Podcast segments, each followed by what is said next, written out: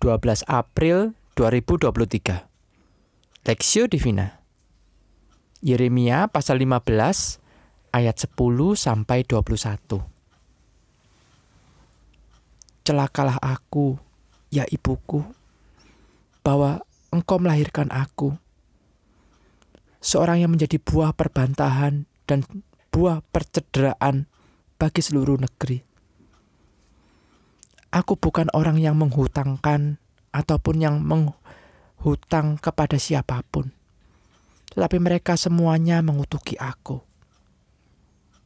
Sungguh, ya Tuhan, aku telah melayani Engkau dengan sebaik-baiknya dan telah membela musuh di depanmu pada masa kecelakaannya dan kesuksesannya.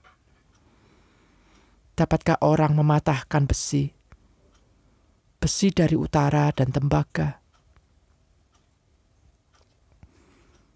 Harta kekayaanmu dan barang-barang perbendaraanmu akan kuberikan, dirampas sebagai ganjaran atas segala dosamu di segenap daerahmu. Aku akan membuat engkau menjadi budak musuhmu di negeri yang tidak kau kenal. Sebab dalam murkaku telah mencetus api yang akan menyala atasmu. Engkau mengetahuinya ya Tuhan. Ingatlah aku dan perhatikanlah aku. Lakukanlah pembalasan untukku terhadap orang-orang yang mengejar aku. Janganlah membiarkan aku diambil karena panjang sabarmu. Ketahuilah bahwa ketahuilah bagaimana aku menanggung celaan oleh karena engkau. Apabila aku bertemu dengan perkataan-perkataanmu, maka aku menikmatinya. Firmanmu itu menjadi kegirangan bagiku dan menjadi kesukaan hatiku, sebab namamu telah diserukan atasku. Ya Tuhan Allah semesta alam, tidak pernah aku duduk beria-ria dalam pertemuan orang-orang yang bersendak gurau. Karena tekanan tanganmu, aku duduk sendirian. Sebab engkau telah memenuhi aku dengan geram. Mengapakah penderitaanku tidak berkesudahan dan lukaku sangat payah, sukar disembuhkan? Sungguh, Engkau seperti sungai yang curang bagiku, air yang tidak dapat dipercayai. Karena itu, beginilah jawab Tuhan: "Jika engkau mau kembali, Aku akan mengembalikan engkau menjadi pelayan di hadapanku." Dan jika engkau mengucapkan apa yang berharga dan tidak hina, maka engkau akan menjadi penyambung lidah bagiku. Biarpun mereka akan kembali kepadamu, namun engkau tidak perlu kembali kepada mereka. Terhadap bangsa ini, aku akan membuat engkau sebagai tembok berkubu dari tembaga. Mereka akan memerangi engkau, tetapi tidak akan mengalahkan engkau sebab aku menyertai engkau untuk menyelamatkan dan melepaskan engkau. Demikianlah firman Tuhan.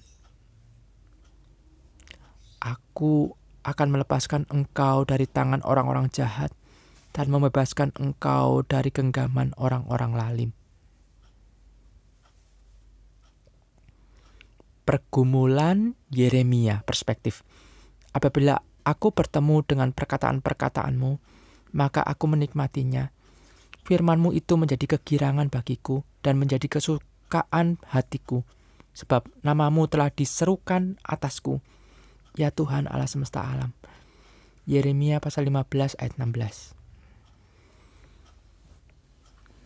Martin Luther King Jr. tahun 1929 sampai 1968 adalah pendeta baptis dan aktivis Amerika Serikat yang menjadi juru bicara dan pemimpin gerakan hak sipil tahun 1954 sampai 1968. Ia dikenal karena menuntut hak sipil dengan cara non-kekerasan, sesuai ajaran Kristen, dan terinspirasi oleh Mahatma Gandhi. Ia sukses besar akibat aksi menentang diskriminasi secara damai, namun berangsur-angsur aksi anti kekerasannya kurang bisa diterima oleh orang-orang kulit hitam muda. Dalam perjuangannya, King pernah dipenjarakan di penjara Birmingham, pada akhirnya dia ditembak di motel Lorraine di Memphis, Tennessee. Pada pada tahun 4 April 1968 dan mengembuskan nafas terakhirnya di Rumah Sakit Santo Yosef. Sama seperti para pejuang kebenaran, pelayan Tuhan yang dipanggil melayani Tuhan dan menyampaikan firman juga tidak mudah. Sekalipun di dalam panggilan itu ada janji yang luar biasa. Yeremia pasal 1 ayat 8. Juga penuh resiko. Yeremia dimusuhi umat Allah yang dilayaninya meski tidak bersalah. Oleh karenanya ia datang kepada Tuhan untuk mengadu ia sudah melayani Tuhan dengan baik, membela umatnya ketika mengalami kecelakaan dan kesesakan. Namun penderitaannya tidaklah habis. Ia sempat merasa putus asa dan tawar hati. Ia merasa Allah seolah-olah mendustainya. Ayat 18. Di tengah kondisinya yang terpuruk, bagaimana Allah menghibur dan menguatkan hambanya. Pertama, Tuhan hadir menyatakan rencananya melakukan penghukuman atas umatnya yang berdosa. Harta mereka dirampas musuh.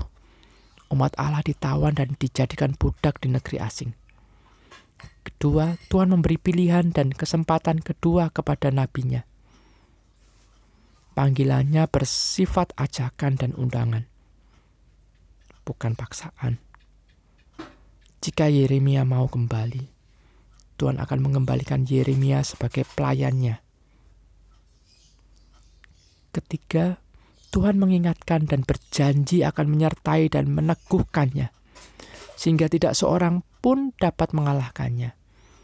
Ayat 12, ayat 20 sampai 21. Yeremia dikuatkan kembali melalui firman Allah kepadanya. Ayat 16 belajar dari hal ini, maka kita harus sadar bahwa satu-satunya kekuatan pelayanan kita terletak pada perjumpaan kita dengan Allah melalui firman-Nya. Studi pribadi, pergumulan apa yang sedang Anda alami sebagai seorang pelayan Tuhan? Bagaimana mengatasinya? sejauh mana firman Tuhan menolong pergumulan Anda. Pokok doa, doakan para hamba Tuhan, full timer di gereja, dosen di seminari Alkitab, para majelis dan pengurus gereja, agar tetap kuat dan setia di tengah segala pergumulan yang ada.